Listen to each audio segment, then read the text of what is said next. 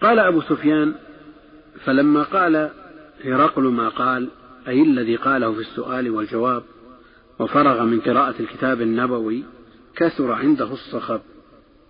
أي اللغط واختلاط الأصوات في المخاصمة. وارتفعت الأصوات وأخرجنا.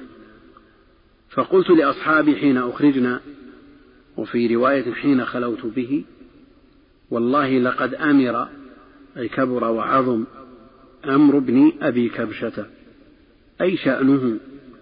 وكبشة ليس هو مؤنث الكبش من غير لفظه والمراد بذلك كنية النبي عليه الصلاة والسلام لأنها كنية أبيه من الرضاعة الحارث ابن عبد العزى فيما قاله ابن ماكولة أو هو والد حليمة مرضعته أو ذلك نسبة إلى جد جده لأن أمه آمنة بنت وهب وأم جد وهب قيلة بنت أبي كبشة. أو لجد جده عبد المطلب لأمه أو هو رجل من خزاعة اسمه وجز بن غالب. خالف قريشا في عبادة الأوثان فعبد الشعر فنسبوه إليه الاشتراك في مطلق المخالفة. يعني يكون لقب لهذا الخزاعي. لما خالف قريش فعبد غير ما كانت تعبده قريش نسب إليه النبي عليه الصلاة والسلام لأنه خالف قومه فدعا إلى عبادة الله وحده مخالفا بذلك قومه. إنه يخافه بكسر الهمزة على الاستئناف وجوز العيني فتحها والمعنى عظم أمره عليه الصلاة والسلام لأجل أنه يخافه ملك بني الأصفر. وهم الروم لأن جدهم روم بن عيص بن إسحاق تزوج بنت ملك الحبشة فجاء ولده بين البياض والسواد فقيل له الأصفر. أو لأن جدته سارة حلته بالذهب وقيل غير ذلك. قال أبو سفيان فما زلت موقنا أنه سيظهر حتى أدخل الله علي الإسلام فأبرزت ذلك اليقين. أبو سفيان كأنه عنده شيء من القناعة النفسية لكن تمنعه الأنفة عن الدخول في الإسلام كما كانت تمنع أبا طالب.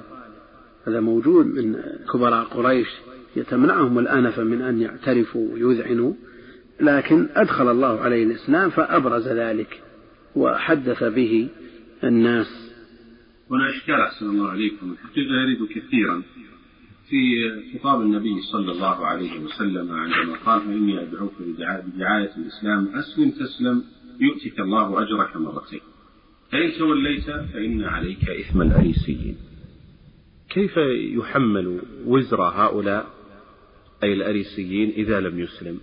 هل من عادة الملوك منع أتباعهم من الإسلام؟ أو بمجرد أن يكون ذا سلطة وبالتالي يتبعه من, من تحته؟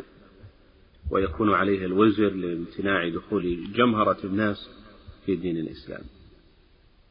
سبقت الإشارة إلى شيء من ذلك وأن ليس لأحد أن يحمل وزر غيره ولا تزر وازرة وزر أخرى. لكن هو سبب هو سبب في صدهم عن الإسلام سواء كان بفعله إذا اقتدوا به أو بقوله وإلزامه وإكراهه لهم. فمجرد الاقتداء به لا شك أنه سبب في صدهم عن دين الإسلام وهذا يجعل على طالب العلم مسؤولية كبرى في أن يعمل بعلمه عليه أن يعمل بعلمه لأنه إذا لم يعمل بعلمه واقتدى به الناس تحمل آثامه وأوزارهم لماذا؟ لأنهم يقولون لو كان ما يقوله حق لفعله هو هو أولى الناس به فدل على أنه غير مقتنع بما يقول. فهو وإن أمر الناس بقوله فقد صدهم عن الاقتداء به بفعله. فعلى طالب العلم وعلى العالم أن يكون داعية بقوله وفعله. لأن الاضطراب والإزدواجية بين القول والفعل تجعل عامة الناس يضطربون فلا يدرون يصدقونه فيما يقول أو يقتدون به فيما يفعل. لا شك أن مثل هذا له نصيب من الصد عن دين الله. وكثيرا ما نرى بعض عامة الناس يستدل. الشيخ الفلاني يقول كذا الشيخ الفلاني يفعل كذا. الشيخ الفلاني يجر ثوبه الشيخ الفلاني يقص من لحيته أو الشيخ الفلاني يقولون مثل هذا الكلام فهم يقتدون بفعله. ولا شك أن القدوة والأسوة هو محمد عليه الصلاة والسلام. لكن حذاري حذاري أن يكون العالم أو طالب العلم ممن يكون داعية شر وداعية ضلال بفعله وإن أظهر بلسانه خلاف فعله. والله المستعان. المستعان الله عليكم. هذا النص جاء في يعني في الإمام لأمة كاملة ومع ذلك جاء هذا التحذير الشديد. ألا ترون أن ولي الأمر في المنزل أيضا ربما يناله حظ من من هذا الإثم إذا كان سببا لصد أبنائه ومن تحت يده من الهداية بأن يسر لهم سبل الشر في المنزل. ألا يناله وزر من هذا يكون من تحته؟ لا شك أن كل مسؤول ومقتدى به عليه وزر من تبعه إضافة إلى وزره الأصلي. وكل مسؤول كل راع وكل مسؤول عن رعيته. لا شك أن رب البيت راع في بيته وهو قدوة لأولاده والمعلم قدوة أيضا لطلابه وتلاميذه والعالم قدوة للناس وهكذا. فكل بحسب موقعه ومسؤوليته. لا شك أن الذي يجلب ما يصد الناس عن دين الله لا شك أنه شريك لهم بل يتحمل أوزار الناس كلهم لأنه هو المتسبب. الرجل في بيته إذا أدخل في بيته ما يكون سببا لصد أسرته وعائلته عن دين الله. نعم عليه الوزر. إذا اقتدى به من عوام الناس من الجيران وغيرهم أيضا ناله من الإثم ما يناله لأنه في موقع الاقتداء والاعتساب والله المستعان. قال وكان ابن الناطور صاحب إيليا وهرقل أسقف على نصارى الشأم يحدث أن هرقل حين قدم إيليا أصبح خبيث النفس فقال بعض بطارقته قد استنكرنا هيئتك. قال ابن الناطور وكان هرقل حزاء ينظر في النجوم. فقال لهم حين سألوه إني رأيت الليلة حين نظرت في النجوم أن ملك الختان قد ظهر فمن يختتن من هذه الأمة؟ قالوا ليس يختتن إلا اليهود فلا يهمنك شأنهم. واكتب إلى مدائن ملكك فيقتلون من فيهم من اليهود. فبينما هم على أمرهم أتي هرقل برجل أرسل به ملك غسان يخبر عن خبر رسول الله صلى الله عليه وسلم. فلما استخبره هرقل قال اذهبوا فانظروا أمختتن هو أم لا؟ فنظروا إليه فحدثوه أنه مختتن وسأله عن العرب فقال هم يختتنون فقال هرقل هذا ملك هذه الأمة قد ظهر. ثم كتب هرقل إلى صاحب له برومية وكان نظيره في العلم وسار هرقل إلى حمص فلم يرم حمص حتى أتاه كتاب من صاحبه يوافق رأي هرقل على خروج النبي صلى الله عليه وسلم وأنه نبي. فأذن هرقل لعظماء الروم في دسكرة له بحمص ثم أمر بأبوابها فغلقت ثم اطلع فقال يا معشر الروم هل لكم في الفلاح والرشد وأن يثبت ملككم؟ فتبايعوا هذا الرجل فحاصوا حيصة حمر الوحش إلى الأبواب فوجدوها قد غلقت. فلما رأى هرقل نفرتهم وأيس من الإيمان قال ردوهم علي. وقال إني قلت مقالتي آنفا أختبر بها شدتكم على دينكم. فقد رأيت فسجدوا له ورضوا عنه. فكان ذلك آخر شأن هرقل. والناطور هو حافظ البستان وهو لفظ أعجمي تكلمت به العرب وفي رواية الناظور بالمعجمة وفي رواية الليث عن يونس ابن ناطورا بزيادة ألف في آخره والواو عاطفة فالقصة الآتية موصولة إلى ابن الناطور مروية عن الزهري خلافا لمن توهم أنها معلقة أو مروية بالإسناد المذكور عن أبي سفيان والتقدير عن الزهري أخبرني عبيد الله وذكر الحديث ثم قال الزهري وكان ابن الناطور يحدث فذكر هذه القصة. صاحب إيليا أي أميرها وصاحب منصوب على الاختصاص أو الحال لا خبر كان. لأن خبرها إما اسقفا أو يحدث وجوز كونه خبرا لكان لأنه لا مانع من تعدد الخبر. وفي رواية صاحب بالرفع صفة ابن الناطور وجوز بعضهم إعرابه خبر مبتدأ محذوف أي هو صاحب إيلياء. وهرقل مجرور عطفا على إيلياء أي صاحب إيلياء وصاحب هرقل وأطلق عليه الصحبة إما بمعنى التبع وإما بمعنى الصداقة. أسقف هذه اللفظة رويت بألفاظ متعددة بضم الهمزة مبنيا للمفعول وفي رواية أسقفا بتشديد الفاء بضم الهمزة وسكون السين وضم القاف وتشديد الفاء وفي رواية أسقفا مثلها إلا أنها بتخفيف الفاء. والتشديد اسقفا قال النووي هي الأشهر.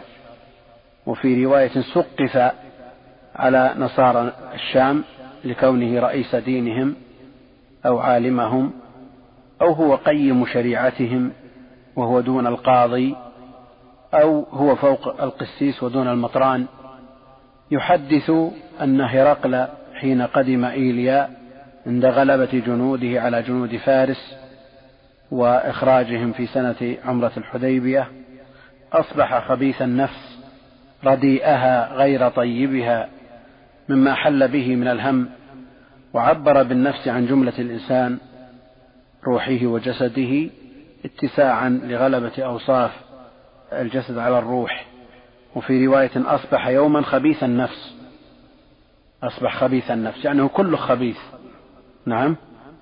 قالوا عبر بالنفس عن جملة الإنسان عن روحه وعن جسده عن كامله لغلبة أوصاف الجسد على الروح يعني تطلق الروح يراد بها الجسد. كان هذا مرادهم. فقال له بعض بطارقته بفتح الموحدة جمع بطريق كسرها أي قواده وخواص دولته وأهل الرأي والشورى منهم. قد استنكرنا هيئتك. أي سمتك وحالتك لكونها مخالفة لسائر الأيام.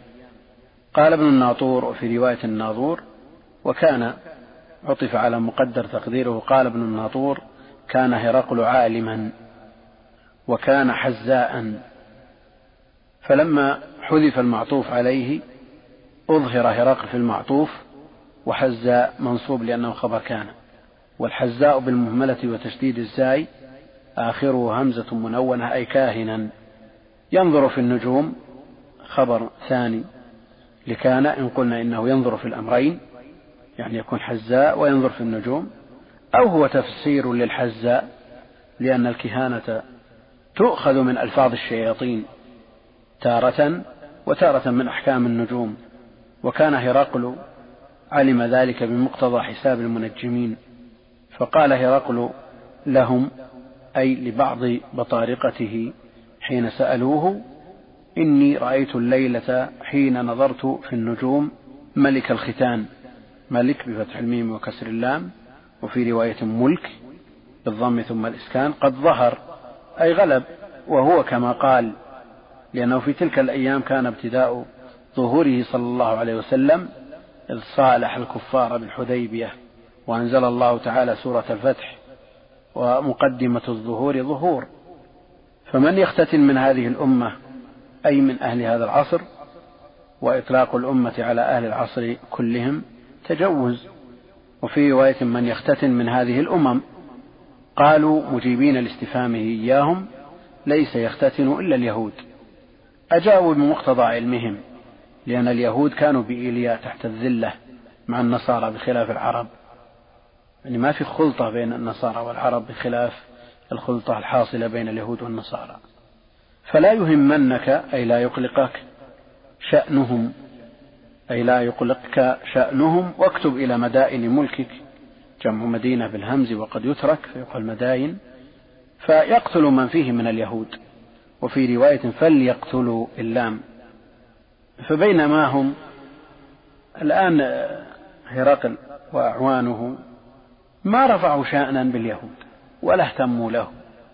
لذلك قال فلا يهمنك شأنهم لأنهم قد ضرب عليهم الذلة والصغار. فلا شك أن شأنهم أضعف من أن يلقى لهم أي بال وأن يحسب لهم أي حساب. وكونهم يتسلطون في مثل هذه الأيام وفي مثل هذه العصور على المسلمين هذا من باب العقوبة للمسلمين لإعراضهم عن دين الله. وكون الإنسان يعاقب بأضعف الأشياء زيادة في النكاية به. هذه زيادة في النكاية وتشديد في العقوبة أن يسلط على الإنسان أضعف الأشياء وأحقر الأشياء. فبينما هم بالميم وأصله بين فأشبعت الفتحة فصارت بيناء ثم زيدت عليها الميم. وفي رواية فبين والمعنى واحد. وهم مبتدأ خبره على أمرهم مشورتهم التي كانوا فيها. أتي هرقل برجل أرسل به ملك غسان بالغين المعجمة والسين المهملة المشددة والملك هو الحارث بن أبي شمر. وغسان اسم ماء نزل عليه قوم من الأزد فنسبوا إليه ولم يسمى الرجل ولا من أرسل به. يخبر عن خبر رسول الله صلى الله عليه وسلم فقال كما عند ابن إسحاق خرج بين أظهرنا رجل يزعم أنه نبي فقد اتبعه ناس وصدقوه وخالفه ناس فكانت بينهم ملاحم في مواطن وتركتهم وهم على ذلك. فلما استخبره هرقل وأخبره بذلك قال هرقل لجماعته اذهبوا فانظروا إلى الرجل أمختتن هو بهمزة الاستفهام فتح المثنات الفوقية وكسر الثانية أم لا؟ فنظروا إليه وعند ابن إسحاق فجردوه فإذا هو مختتن. فحدثوه أي حدثوا هرقل إنه مختتن. وسأله عن العرب هل يختتنون؟ فقال أي الرجل هم يختتنون وفي رواية مختتنون. فقال هرقل هذا الذي نظرته في النجوم. ملك هذه الأمة أي العرب وفي رواية يملك. وليس المراد بذكر هذا هنا تقوية لقول المنجمين أو اعتمادا عليها بل المراد أن البشارات به عليه الصلاة والسلام جاءت على لسان كل فريق من إنسي وجني يعني تضافرت عليها الأدلة. نعم. النسخة التي بين أيدينا أحسن الله إليكم فقال هرقل هذا ملك هذه الأمة قد ظهر. قد ذكرتم أنه قال هذا نظري في النجوم. لا لا هذا شرح. فقال هرقل هذا أي الذي نظرته في النجوم ملك هذه الأمة يعني طابق وقع ما رآه ولا شك أن أخبار المنجمين وأخبار الكهان قد تصدق. فمسترق السمع قد يسترق الكلمة ويلقيها على الكاهن والكاهن يزيد عليها مئة كما جاء في الأخبار. ثم كتب هرقل إلى صاحب له يسمى ضغاطر الأسقف برومية بالتخفيف. أي فيها وهي مدينة كبيرة يقال إن سورها أربعة وعشرون ميلا. وكان نظيره في العلم أي مثيله وسار هرقل إلى حمص. مجرور بفتحة حمص مجرور بفتحة لأنه غير منصرف لعلل ثلاث العالمية والتأنيث والعجمة. علمية وتأنيث وعجمة. وجوز بعضهم صرفه وعدمه لأنه ثلاثي ساكن الوسط والخلاف بين العين وابن حجر هل كونه ثلاثيا ساكن الوسط يقابل العلل الثلاث فيصرف أو يقابل واحدة من الثلاث فيبقى فيه علتان فيمنع من الصرف؟ وعلى كل حال الخطب سهل هو ثلاثي ساكن الوسط فيخف على اللسان ويسهل صرفه مثل نوح ولوط وهند. وإنما سار هرقل إلى حمص لأنها دار ملكه فلم يرم أن يبرح منها أو لم يصل إليها هرقل حمص حتى أتاه كتاب من صاحبه ضغاطر. يوافق رأي هرقل على خروج النبي صلى الله عليه وسلم أي ظهوره وأنه نبي. وهذا يدل على أن هرقل وصاحبه أقر بنبوته صلى الله عليه وسلم لكن هرقل لم يستمر على ذلك ولم يعمل بمقتضاه بل شح بملكه ورغب في الرياسة وآثر الدنيا على الآخرة. بخلاف صاحبه ضغاطر فإنه أظهر إسلامه وخرج على الروم فدعاهم إلى الإسلام فقتلوه. فأذن بالقصر من الإذن في رواية فآذن بالمد أي أعلم هرقل لعظماء الروم في دسكرة دسكرة هي القصر يكون حوله البيوت. له أي كائنة له بحمص ثم أمر بأبوابها أي أبواب الدسكرة فغلقت بتشديد اللام. وكأنه دخلها ثم أغلقها. وفتح أبواب البيوت التي حولها وأذن للروم في دخولها ثم أغلقها. دخل أولا ثم أغلق على نفسه خوفا منهم ثم اطلع عليهم من علو خوف أن ينكروا مقالته فيقتلوه كما قتلوا صاحبه ضغاطر. نعم ثم خاطبهم فقال يا معشر الروم هل لكم رغبة في الفلاح والرشد بالضم ثم السكون؟ أو بفتحتين الرشد وهو خلاف الغي وأن يثبت ملككم فتبايعوا منصوب بحذف النون بأن مقدرة في جواب الاستفهام وفي نسخة فبايعوا وفي رواية نبايع بنون الجمع ثم موحدة وفي رواية نتابع في رواية فتتابع من الاتباع أو من البيعة وفي نسخة فنتبع. هذا النبي صلى الله عليه وسلم وفي رواية لهذا. وإنما قال هرقل هذا لما عرفه من الكتب السابقة أن التمادي على الكفر سبب لذهاب الملك. ونقل أن في التوراة ونبيا أرسله أي إنسان لم يقبل كلامي الذي يؤديه عني فإني أهلكه. هذا منقول من التوراة. والله أعلم. فحاصوا أي نفروا حيصة حمر الوحش أي كحيصتها إلى الأبواب فوجدوها قد غلقت بالتشديد وشبه نفرتهم مما قال لهم من اتباع الرسول صلى الله عليه وسلم بنفرة حمر الوحش لأنها أشد نفرة من سائر الحيوانات. ولذا جاء في سورة المدثر كأنهم حمر مستنفرة.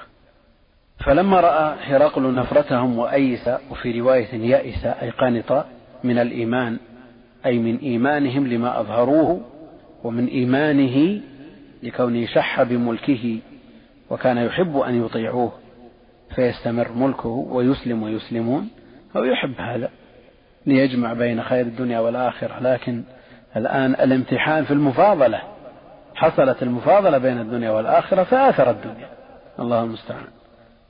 قال ردوهم علي وقال لهم إني قلت مقالتي آنفا بالمد أي هذه الساعة أختبر أي أمتحن بها شدتكم أي رسوخكم على دينكم فقد رأيت شدتكم فحذف المفعول للعلم به مما سبق. وفي رواية فقد رأيت منكم الذي أحببت فسجدوا له حقيقة على عادتهم لملوكهم أو قبلوا الأرض بين يديه لأن ذلك ربما كان كهيئة السجود. ورضوا عنه فكان ذلك آخر النصب خبر كان شأن هرقل أي فيما يتعلق بهذه القصة خاصة. لا يعني أن هذا آخر حياة هرقل إنما هذا آخر شأن شأنه فيما يتعلق بهذه القصة أو فيما يتعلق بالإيمان. فإنه بعد ذلك وقعت له أمور. من تجهيز الجيش إلى مؤتة وتبوك ومحاربته للمسلمين وهذا يدل على استمراره على الكفر نسأل الله العافية. لكن قال بعض الشراح مع ذلك يحتمل أنه كان يضمر الإيمان ويفعل هذه المعاصي مراعاة لمملكته وخوفا من أن يقتله قومه. وعلى كل حال مثل هذا الإيمان ولو أضمره ولو وقر الإيمان في القلب لكن لم ينطق به الشخص فإنه لا يحكم بإيمانه وإنما حكمه في الدنيا الكفر. إلا أن في مسند الإمام أحمد أنه كتب من تبوك إلى النبي صلى الله عليه وسلم إني مسلم. قال النبي عليه الصلاة والسلام بل هو على نصرانيته. وقال البخاري بعد ذلك رواه أي روى حديث هرقل وفي رواية بواو العطف وفي رواية النسخ الصحيح هذا كله لا يوجد في المختصر هذا في الأصل. قال محمد أي البخاري رواه صالح بن كيسان المدني المتوفى بعد الأربعين ومائة عن مائة سنة ونيف وستين. عمر عمر. لأنه قيل أنه ابتدأ طلب العلم بعد التسعين فأخذ عن الزهري حتى عد من كبار الآخذين عن الزهري وانتفع ونفع الله بعلمه بعد التسعين. منهم من يقول أقل من ذلك لكن أقل ما قيل الخمسين.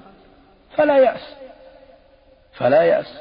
كثير من عوام المسلمين كبار السن حرموا من التعلم في أوائل حياتهم حتى لا يقرؤون ولا القرآن. فينظرون إلى من يقرأ القرآن حسرة. أنا أقول لماذا هذا اليأس والبيوت ولله الحمد الآن مملوءة بمن يقرأ ويكتب ويحفظ القرآن؟ لماذا لا يجاهد الإنسان وإن كان كبير السن نفسه في حفظ شيء من كتاب الله ولو تعب؟ ولا يلزم أن يحفظ في كل يوم قدرا كبيرا لو يحفظ كل يوم آية أو يردد آية حتى يحفظها في يوم يومين ثلاثة سورة قصيرة. اللي ينتفع بذلك والحرف بعشر حسنات. ونحن ننظر مع الأسف الشديد في مساجد المسلمين في رمضان. كثير من من عوام المسلمين وكبار السن يلتفت يمينا وشمالا يتمنى ويتحسر أن لو كان يقرأ القرآن ويستفيد مثل الناس لأنه فاته القطار في حد زعمه لا لا يأس. الآن بإمكانه أن يستمع من ولده من بنته من من المسجل من والحمد كل شيء متيسر والله الحمد. وهذا جهاد بحد ذاته لو لم يدرك شيء هو في جهاد لأنه يطلب العلم وخير العلوم ما يتعلق بكتاب الله عز وجل. ورواه أيضا يونس بن يزيد الأيلي ورواه معمر بن راشد الثلاثة عن الزهري فأخرج المصنف الأول والثاني في الجهاد والثالث في التفسير. والحديث مخرج في مسلم أيضا فهو متفق عليه. في طلب هرقل من أصحابه أن يتأكدوا أمختتن هو أم لا قال فنظروا إليه فحدثوه أنه مختتن. كيف كان هذا النظر؟ كما جاء في بعض الروايات أنهم جردوه جردوه من ثياب. لا لا جردوا. هذا الرجل الذي جيء به إلى هرقل الذي أرسل به ملك غسان هذا الرجل من العرب جيء به إلى هرقل قال تأكدوا هل العرب يختتنون؟ لا. وبالتالي تبين من خلال هذا العربي أنه من الأمة التي تختتن وأن النبي الذي سيبعث. هل العرب يختتنون؟ قال نعم هم يختتنون. آه، ذكرتم أحسن الله إليكم في مسند أحمد أن النبي أنه كتب للنبي صلى الله عليه وسلم من تبوك أنه مسلم فقال النبي بل هو على نصرانيته. هذا مما يؤيد القول ويعني يفصل النزاع في مسألة إسلامه من عدمه. إيه لكن هذا إن صح إن صح. نعم لأن في سند مقال. الله عليكم آه لا زلنا في باب بدء الوحي ولم يحذف أي حديث حتى الآن من التجريد فهو موافق لما في الصحيح أصلا. بلا شك لأن أوائل الكتاب ما بعد مر التكرار إلى الآن. ما جاء تكرار إلى الآن. صلى الله عليكم لعلنا أيضا نتعرف من خلالكم عن موقف هرقل وكسرى. وأتباع هذين المسؤولين أو الأميرين من كتاب النبي صلى الله عليه وسلم المذكور في صدر الحديث كما سبق. أما بالنسبة لكسرى فإنه لما جاءه كتاب النبي عليه الصلاة والسلام مزقه. فدعا عليه النبي عليه الصلاة والسلام أن يمزق الله ملكه وحصل. ولم تقم لهم قائمة. أما بالنسبة للروم وهرقل فإنهم احتفظوا بكتاب النبي عليه الصلاة والسلام. ويذكر في أخبار كثيرة أن النصارى أطلعوا بعض قواد المسلمين وبعض علماء المسلمين على هذا الكتاب وأنه موجود عندهم في صندوق من ذهب ملفوف بقطعة حرير وما أشبه ذلك اعتنوا به واهتموا به ويظنون أن بقاء ملكهم دائم مع بقاء هذا الكتاب.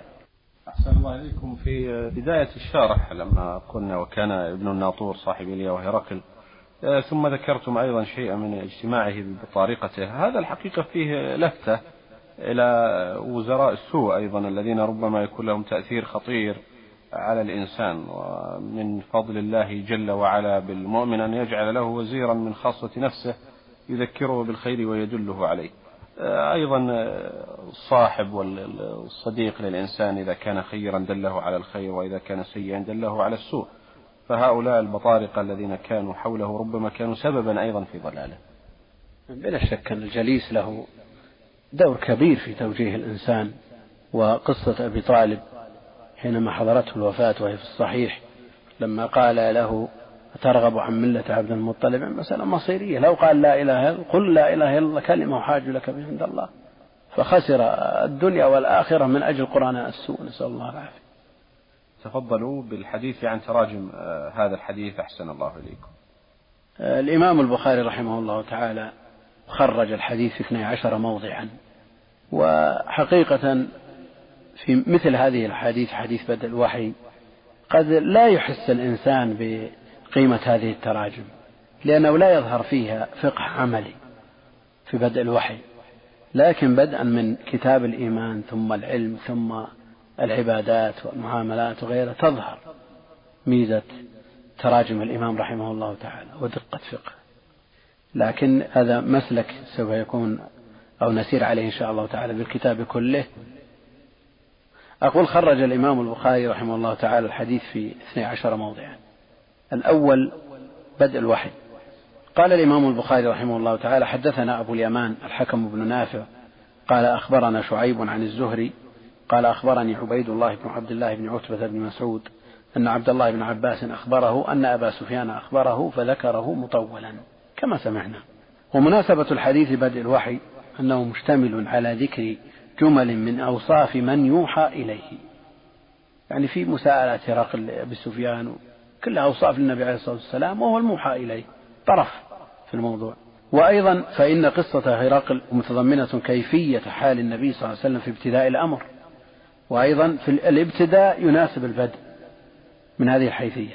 وأيضا فإن الآية المكتوبة إلى هرقل والآية التي صدر بها الباب مشتملتان على أن الله تعالى أوحى إلى الأنبياء عليهم الصلاة والسلام بإقامة الدين وإعلاء كلمة التوحيد يظهر ذلك في التأمل قاله العيني. وقال ابن حجر فإن قيل ما مناسبة حديث أبي سفيان في قصة هرقل ببدء الوحي؟ فالجواب أنها تضمنت كيفية حال الناس مع النبي صلى الله عليه وسلم في ذلك الابتداء. ولأن الآية المكتوبة إلى هرقل للدعاء إلى الإسلام ملتئمة مع الآية التي في الترجمة وهي قوله تعالى إنا أوحينا إليك كما أوحينا إلى نوح الآية. وقال تعالى شرع لكم من الدين ما وصى به نوحا الآية. فبان أنه أوحى إليهم كلهم أن أقيموا الدين. وهو معنى قوله تعالى سواء بيننا وبينكم. الآية. الموضع الثاني في كتاب الإيمان باب بلا ترجمة. قال حدثنا إبراهيم بن حمزة قال حدثنا إبراهيم بن سعد عن صالح عن ابن شهاب عن عبيد الله بن عبد الله أن عبد الله بن عباس أخبره فذكره مختصرا. والباب تال لباب سؤال جبريل النبي عليه الصلاة والسلام عن الإيمان والإسلام والإحسان. قال ابن حجر باب إلى ترجمة في رواية كريمة وأبي الوقت وسقط من رواية أبي ذر والأصيل وغيرهما. ورجح النووي إثبات باب وزعم أن حذفه فاسد. وزعم أن حذفه فاسد والصواب إثباته. لأن ترجمة الباب الأول لا يتعلق بها هذا الحديث فلا يصح إدخاله فيه. ومقصود البخاري بقصة هرقل أنه سماه دينا وإيمانا. وقاله في الاستدلال بها إشكال. لأنه كافر فكيف يستدل بقوله؟ وقد يقال هذا الحديث تداولته الصحابة رضي الله عنهم وسائر العلماء ولم ينكروه بل استحسنوه والله أعلم. الآن الرابط بين حديث جبريل وسؤاله عن النبي عليه الصلاة والسلام عن الإيمان والإسلام والإحسان وبين حديث هرقل قال أنه سمى الدين أو سمى الإيمان دين في الأمرين. ولذا قال ومقصود البخاري بقصة هرقل أنه سماه دينا وإيمانا وهناك أتاكم جبريل يعلمكم دينكم. ثم قال النووي وفي الاستدلال بها إشكال لأنه كافر فكيف يستدل بقوله؟ وقد يقال هذا الحديث تداولته الصحابة رضي الله عنهم وسائر العلماء ولم ينكروه بل استحسنوه والله أعلم. وقال ابن حجر في الاستدلال بقوله وهو كافر فالجواب أنه ما قاله من قبل اجتهاده وإنما أخبر به عن استقرائه من كتب الأنبياء كما قررناه فيما مضى. وأيضا فهرقل قاله بلسانه الرومي وأبو سفيان عبر عنه بلسانه العربي وألقاه إلى ابن عباس وهو من علماء اللسان فرواه عنه ولم ينكره فدل على أنه صحيح لفظا ومعنى. يقول ابن حجر متعقبا كلام النووي النووي يقول الصواب إثبات كلمة باب. لأنه لا علاقة بقصة هرقل مع الترجمة السابقة التي هي إيش؟ نعم لكن باب سؤال جبريل النبي عليه الصلاة والسلام عن الإيمان والإسلام والإحسان. يقول ما له, ما له ارتباط لا بد أن يفصل بينهما بباب. نذكر أننا تكلمنا عن الباب بلا ترجمة وأنه بمنزلة الفصل من الباب السابق. وأنه له تعلق وارتباط وثيق به. هنا يقول ابن حجر نفي التعلق لا يتم هنا على الحالتين لأنه إن ثبت لفظ باب بلا ترجمة فهو بمنزلة الفصل من الباب الذي قبله فلا بد له من تعلق به. وإن لم يثبت فتعلقه به متعين. يعني جزء من الباب يعني الحديث في الباب لكنه يتعلق بقوله في الترجمة جعل ذلك كله دينا. ووجه التعلق أنه سمى الدين إيمانا في حديث هرقل فيتم مراد المؤلف بكون الدين هو الإيمان. أين سمى هرقل الدين إيمان؟ انظر في المتن. قال فذكرت أنهم يزيدون وكذلك أمر الإيمان حتى يتم. أمر الإيمان حتى يتم. وقال أيضا في موضع آخر وكذلك الإيمان حين تخالط بشاشته القلوب. نعم. فهل يرتد أحد منهم سخطة لدينه. سخطة لدينه. فمرة عبر بالدين ومرة عبر بالإيمان. يدل على أن الدين هو الإيمان. وفي سؤال جبريل سأل عن الإيمان. نعم عن الإيمان. والإسلام والإحسان. ثم قال في النهاية هذا جبريل أتاكم دينكم. نعم. فدل على أن البخاري رحمه الله تعالى دقيق الاستنباط. حينما أورد هذا الحديث ليبين أن الإيمان والدين بمعنى واحد دقة متناهية الموضع الثالث كتاب الشهادات باب من أمر بإنجاز الوعد. قال حدثني إبراهيم بن حمزة قال حدثنا إبراهيم بن سعد عن صالح عن أبي شهاب عن عبيد الله أن عبد الله بن عباس قال أخبرني أبو سفيان فذكره مختصرا. وفيه فزعمت أنه يأمر بالصلاة والصدق والعفاف والوفاء بالعهد. يأمر بالوفاء بالعهد. وفيه أيضا فهل يغدر؟ نعم. والترجمة باب من أمر بإنجاز الوعد. وجه تعلق الباب بالشهادات أن وعد المرء كالشهادة على نفسه قاله الكرماني الترجمة باب من أمر بإنجاز الوعد. علاقة الوعد بالشهادات الوعد والعهد وعدم الغدر علاقتها بالشهادات يقول الكرماني أن وعد المرء كالشهادة على نفسه. إذا وعد لا بد أن يفي كما أنه إذا تحمل شهادة لا بد أن يصدق في التحمل ولا بد أن يؤدي كما سمع. الموضع الرابع في كتاب الجهاد باب قول الله عز وجل هل تربصون بنا إلا إحدى الحسنيين؟ والحرب سجال. الحرب سجال. علاقة الحرب سجال بإحدى الحسنيين لأنهم إن انتصروا وهذه إحدى الحسنيين أديلوا على أعدائهم وإن قتلوا أديل أعداؤهم عليهم وهي أيضا إحدى الحسنيين. نعم. وحينئذ يتضح قول البخاري رحمه الله والحرب سجال. وهذه مأخوذة من حديث هرقل. نعم. نعم. نعم. قال حدثنا يحيى بن بكير قال حدثنا الليث قال حدثني يونس عن ابن شهاب عن عبيد الله به فذكره مختصرا. وفيه فزعمت أن الحرب سجال ودول. قال ابن حجر الغرض منه قوله فيه فزعمت أن الحرب بينكم سجال أو دول. وقال ابن المنير التحقيق أنه ما ساق حديث هرقل إلا لقوله وكذلك الرسل تبتلى ثم تكون لهم العاقبة. قال في بذلك يتحقق أن لهم إحدى الحسنيين إن انتصروا فلهم العاجلة والعاقبة وإن انتصر عدوهم فللرسل العاقبة. أثناء شرحكم آه، تفضلتم وقلتم أنه في باب بدء الوحي هنا آه، سقط السؤال العاشر وهو سؤاله عن القتال وأثبت في باب الجهاد وهو الذي أتيتم به في هذه الترجمة. هذا مرادكم به أنه أثبت في هذا الباب كاملا. يقول ابن حجر وهذا لا يستلزم نفي التقدير الأول ولا يعارضه بل الذي يظهر أن الأول أولى لأنه من نقل أبي سفيان عن حال النبي صلى الله عليه وسلم. وأما الآخر فهو من قول هرقل مستندا إلى ما تلقفه من الكتب. وعلى كل حال هذا وذا كله يدل على الترجمة.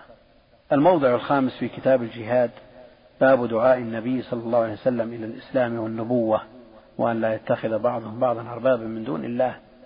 قال حدثنا إبراهيم بن حمزة قال حدثنا إبراهيم بن سعد عن صالح بن كيسان عن ابن شهاب عن عبيد الله بن عبد الله عن ابن عباس فذكره مطولا. والمناسبة ظاهرة بين الجهاد والدعوة وأن الدعوة لا بد أن تسبق الجهاد. والمناسبة بين الحديث والترجمة ظاهرة. المناسبة بين الجهاد والدعوة. كتاب الجهاد باب دعاء النبي صلى الله عليه وسلم إلى الجهاد. المناسبة ظاهرة لأن الدعوة لا بد أن تسبق الجهاد. إن حصلت الاستجابة بها ونعمة هذا هو المطلوب إن لم تحصل يأتي المرحلة الثانية وهي الجهاد. المناسبة بين الحديث والترجمة. ظاهرة أيضا لأن النبي عليه الصلاة والسلام أرسل إلى هرقل الكتاب يدعوه إلى الإسلام متغانما عليه الصلاة والسلام ومغتنما فرصة الصلح مع الكفار. وعلى هذا ينبغي للمسلم أن يجند نفسه للدعوة وأن يستغل الفرص وأن يستغل الفرص لا سيما من كان الناس بحاجته لأن قوله أوقع فهذا يوسف عليه السلام استغل وجوده في السجن بين أولئك الناس واستغل أيضا حاجة الناس إليه في التأويل والتعبير دعاهم أرباب متفرقون. المهم أنه استغل الموقف. وعلى هذا لو أن كل مسلم على حسب أو على اختلاف مواقع المسلمين وأعمالهم استغلوا هذه المواقع في نشر الدين. الطبيب المريض محتاج إليه فلو وجهه بكلمات قبل منه المعلم الطالب بحاجة إليه. كل إنسان بحسب موقعه. القاضي الخصوم بحاجة إليه. نعم. وهكذا لا بد أن يغتنم المسلم فرصة عمله ووجوده لينشر الدين ليكون من الدعاة إلى الهدى. فمن دل على هدى كان له مثل أجر فاعله. والملاحظ مع الأسف أن النصارى يستغلون هذا الجانب كثيرا الدكتور. في أعمالهم الإغاثية ونحوها فهم وإن أظهروها أنها باسم الإنسانية لكن لا لا. هي أسلوب أسلوب من أساليب الدعوة. أقول المحتاج يقبل ممن يساعده. فلو سلكت الدعوة ومعها البذل هناك المجتمعات الفقيرة حينما يدعمون بالمال أملي عليهم ما شئت من الدعوة. لا شك أنهم يقبلون. انتبه النصارى لمثل هذا واستغلوه استغلال أنشأوا المستشفيات وأنشأوا اللجان الإغاثية وما أشبه ذلك كله من أجل التأثير على هؤلاء المحتاجين. ومع ذلك النتائج ولله الحمد ليست على ما يتصورون ويتوقعون.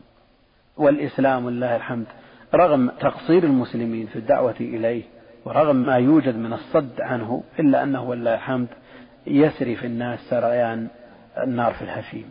كل ذلك لأن دين الإسلام موافق للفطرة موافق للفطرة.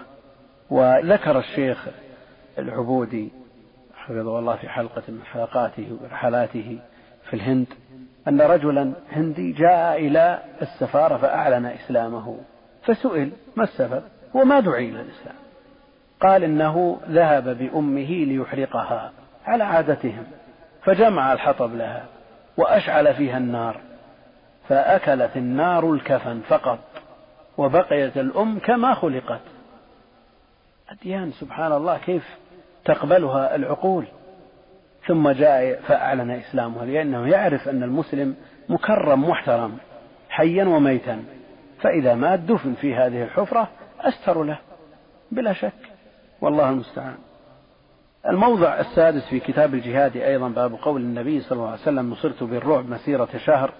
قال حدثنا أبو اليمان أخبرنا شعيب عن الزهري قال أخبرني عبيد الله فذكره مختصرا.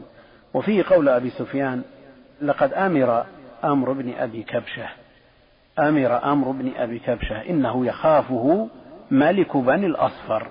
والمناسبة في قوله إنه يخافه ملك بني الأصفر لأنه كان بين المدينة وبين المكان الذي كان قيصر ينزل فيه مدة شهر أو نحوه. نصرت بالرعب مسيرة شهر. هذه الترجمة. باب قول النبي صلى الله عليه وسلم نصرت بالرعب مسيرة شهر. يخافه ملك بني الأصفر. يخافه لماذا؟ من الرعب. يخافون من الرعب. الموضع السابع في كتاب الجزية والموادعة باب فضل الوفاء بالعهد. قال حدثنا يحيى بن بكير قال حدثنا الليث عن يونس عن ابن شهاب عن عبيد الله فذكره مختصرا. والمناسبة أن في الحديث التام هو مختصر وليس فيما أورده البخاري هنا ما يدل على الترجمة. لكن البخاري عادة يذكر طرف الحديث والترجمة المطابقة من الحديث قد تكون فيما لم يذكره الإمام رحمه الله تعالى. وقد تكون في رواية أو زيادة ليست على شرطه وإنما يشير إليها بترجمة. المناسبة أن في الحديث التام نفي الغدر. هل يغدر؟ نفي الغدر عنه عليه الصلاة والسلام والغدر نقض العهد. باب فضل الوفاء بالعهد الموضع الثامن في كتاب التفسير. عفوا دكتور في, في هذا الموضوع ما ذكر أنه لا يغدر لا هو ذكره مختصر. ما فيه لكن هو بهذا يشير إلى أنه في الرواية المطولة موجود. هنا قال فهل يغدر؟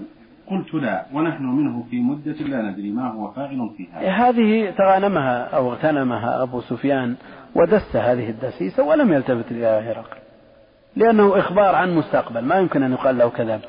صاحب التجريد إذا جاء في ترجمة ولم يذكرها في في باب قبل هل يذكر الموضوع مرة أخرى أو يكتفي بذكر الحديث؟ لا لا صاحب التجريد قصد من ذلك الاختصار الشديد من أجل أن يحفظ.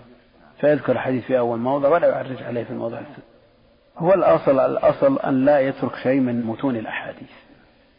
فإذا ذكر الحديث في موضع يأتي بالزوائد أو بالألفاظ الزائدة من الروايات الأخرى اللاحقة في الموضع الأول. يقول في رواية كذا ليتم الكتاب كامل؟ الموضع الثامن في كتاب التفسير باب قل يا أهل الكتاب تعالوا إلى كلمة سواء بيننا وبينكم ألا نعبد إلا الله. قال حدثني إبراهيم بن موسى عن هشام عن معمر حا وحدثني عبد الله بن محمد. قال حدثنا عبد الرزاق أخبرنا معمر عن الزهري. قال أخبرني عبيد الله بن عبد الله فذكره مطولا. والمناسبة ظاهرة. حيث ذكرت الآية في الحديث. الموضع التاسع في كتاب الأدب باب صلة المرأة أمها ولها زوج. في كتاب الأدب باب صلة المرأة أمها ولها زوج. قال حدثنا يحيى قال حدثنا الليث عن عقيل عن ابن شهاب عن عبيد الله بن عبد الله فذكره مختصرا. وفيه يأمرنا بالصلاة والصدقة والعفاف والصلة. وهنا باب صلة المرأة أمها. والمناسبة ظاهرة حيث ذكرت الصلة في الحديث وهي شاملة للأم وغيرها من المتزوجة وغيرها فيؤخذ حكم الترجمة من عمومها. الموضع العاشر في كتاب الاستئذان باب كيف يكتب إلى أهل الكتاب. قال حدثنا محمد بن مقاتل أبو الحسن أخبرنا عبد الله قال أخبرنا يونس عن الزهري قال أخبرني عبيد الله فذكره مختصرا وفيه بسم الله الرحمن الرحيم. من محمد عبد الله ورسوله إلى هرقل عظيم الروم السلام على من اتبع الهدى. أما بعد وما ذكره ظاهر المناسبة للترجمة كيف يكتب إلى أهل الكتاب؟ قال ابن بطال فيه جواز كتابة بسم الله الرحمن الرحيم إلى أهل الكتاب وتقديم اسم الكاتب على المكتوب إليه وفيه حجة لمن أجاز مكاتبة أهل الكتاب بالسلام عند الحاجة. هذه حجة من يقول من أهل العلم أنه من أجل الدعوة والتأليف يتنازل في مثل هذه الأمور فيبدأ المخالف بالسلام. من أجل تحصيل أو تحقيق مصلحة الدعوة.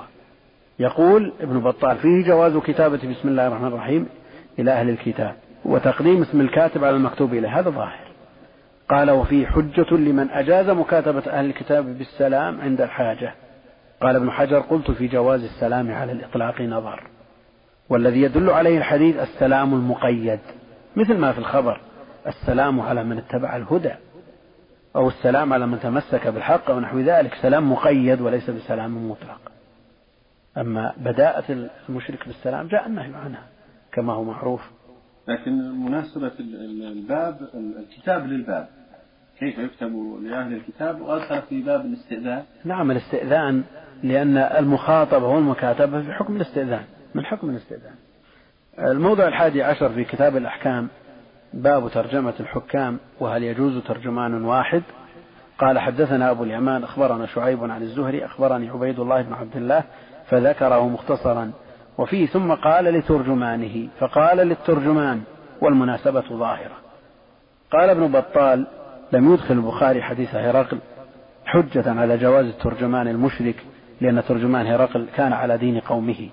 وإنما أدخله ليدل على أن الترجمان كان يجري عند الأمم مجرى الخبر لا مجرى الشهادة. وقال ابن المنير وجه الدليل من قصة هرقل مع أن ما فعله لا يحتج به أن مثل هذا صواب من رأيه لأن كثيرا مما أورده في هذه القصة صواب موافق للحق. فموضع الدليل تصويب حملة الشريعة لهذا وأمثاله من رأيه وحسن تفطنه ومناسبة استدلاله وإن كان غلبت عليه الشقاوة. وقال ابن حجر وتكملة هذا أن يقال يؤخذ من صحة استدلاله قال ابن حجر وتكملة هذا أن يقال يؤخذ من صحة استدلاله فيما يتعلق بالنبوة والرسالة أنه كان مطلعا على شرائع الأنبياء فتحمل تصرفاته على وفق الشريعة التي كان متمسكا بها. وقال ابن حجر أيضا والذي يظهر لي أن مستند البخاري تقرير ابن عباس. وهو من الأئمة الذين يقتدى بهم على ذلك. يعني أنه يكفي ترجمان واحد وأن هذا يجري مجرى الأخبار والأخبار يقبل فيها قول واحد إذا ثبتت ثقته. الموضع الثاني عشر لكن عفوا النبي عليه الصلاة والسلام كتب له بالعربية. نعم بالعربية نعم بالعربية. و ما أمر نعم أن يتعلموا نعم بالعربية الكتاب بالعربية. ثم قال الترجمان اقرأه. الموضع الثاني عشر في كتاب التوحيد باب ما يجوز من تفسير التوراة وغيرها من كتب الله بالعربية. العربية وغيرها لقول الله تعالى قل فأتوا بالتوراة فاتلوها إن كنتم صادقين. قال وقال ابن عباس أخبرني أبو سفيان بن حرب أن هرقل دعا ترجمانه ثم دعا بكتاب النبي صلى الله عليه وسلم فقرأه. بسم الله الرحمن الرحيم من محمد عبد الله ورسوله إلى هرقل. ويا أهل الكتاب تعالوا إلى كلمة سواء بيننا وبينكم. الآن أرسل النبي عليه الصلاة والسلام بالآية إلى هرقل وهي بالعربية. ما يجوز من تفسير التوراة الترجمة. والترجمان ترجم له الآية بلغته. فإذا جازت ترجمة الآية فترجمة التوراة من باب أولى. ومعلوم أن ترجمة الآية معنى ترجمة المعاني وأما ترجمة الألفاظ معروف أنها مستحيلة لإعجاز القرآن. لا يمكن أن يأتي أحد بمثله. قال وقال ابن عباس أخبرني أبو سفيان بن حرب أن هرقل دعا ترجمانه ثم دعا بكتاب النبي صلى الله عليه وسلم فقرأه. بسم الله الرحمن الرحيم. من محمد عبد الله ورسوله إلى هرقل. ويا أهل الكتاب تعالوا إلى كلمة سواء بيننا وبينكم الآية.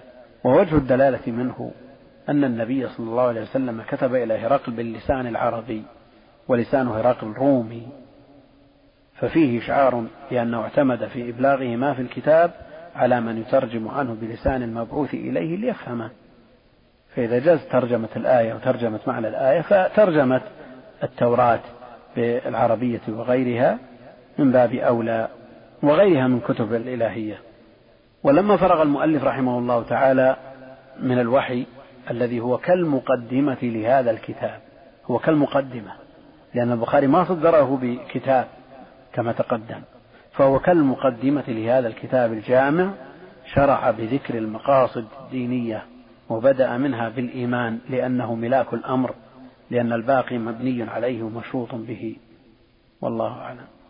هذا يسأل يقول لماذا نرى أن البخاري رحمه الله لا يخرج بعض الأحاديث في صحيحة مع أن أهل العلم يقولون رجاله رجال الصحيح ومع ذلك لم يخرجه البخاري في صحيحة؟ الإمام البخاري رحمه الله تعالى خرج من الصحيح أصحه ولم يلتزم رحمه الله تعالى أن يخرج جميع الأحاديث الصحيحة. وكذلك الإمام مسلم. ويروى عن الإمام البخاري رحمه الله تعالى بالأسانيد أنه قال خرجت فيه ما صح وتركت من ذلك ما هو أكثر خشية أن يطول الكتاب. فلولا إطالة الكتاب لخرج المزيد من الأحاديث. فخرج في الكتاب ما هو منطبق عليه شرطه. وأما كونه يوجد شرطه في غيره من الكتب على اختلاف بين العلماء في المراد بشرطه رحمه الله تعالى. وهذه الكلمة يتداولها أهل العلم واختلف في مرادهم بها. ولكن الذي حرره أهل التحقيق من المحدثين أن المراد بشرط البخاري أو شرط الشيخين رجالهما. فإذا خرج الحديث في أي كتاب من الكتب المعتبرة عند أهل العلم بإسناد خرج له الإمام البخاري قيل على شرط البخاري وإذا خرج له الإمام مسلم قيل على شرط مسلم وإذا خرج في الصحيحين لرواة هذا الحديث قيل صحيح على شرطهما. نعم. ويكون بنفس درجة الحديث عند البخاري ومسلم في القوة عند أهل العلم؟ لا يكون بنفس القوة. لأن الإمامين أعني البخاري ومسلما ينتقيان من أحاديث الرواة. وليس معنى أن كل حديث يرويه كل راوي ممن خرج له البخاري في الصحيح أنه بدرجة ما خرج له البخاري.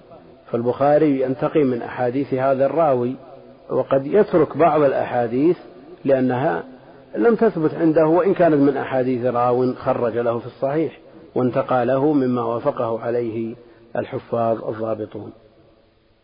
الله عليك. يذكر أيضا السائل يقول هناك دعوة تقول أن البخاري لا يروي في صحيحه إلا الأحاديث التي تكون موافقة لرأيه الفقهي. بمعنى أن بعض الأحاديث لا يقبلها البخاري لأنها تعارض أحاديث أخرى عمل بها وترجم لها. هل هذا صحيح؟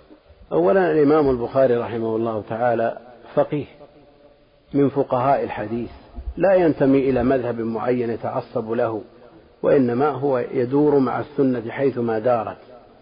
فهو يستنبط الفقه من الأحاديث وتراجمه التي تتضمن فقهه هي مأخوذة من هذه الأحاديث الصحيحة التي بلغت شرطه. وكونه لم يخرج أحاديث أخرى تختلف مع هذه الأحاديث لأن هذه الأحاديث أرجح عنده من حيث الصناعة الحديثية. لا لأنها توافق اجتهاده ونظره والأخرى تخالف اجتهاده لا. هذا يمكن أن يقال بالنسبة للمتفقهة على المذاهب.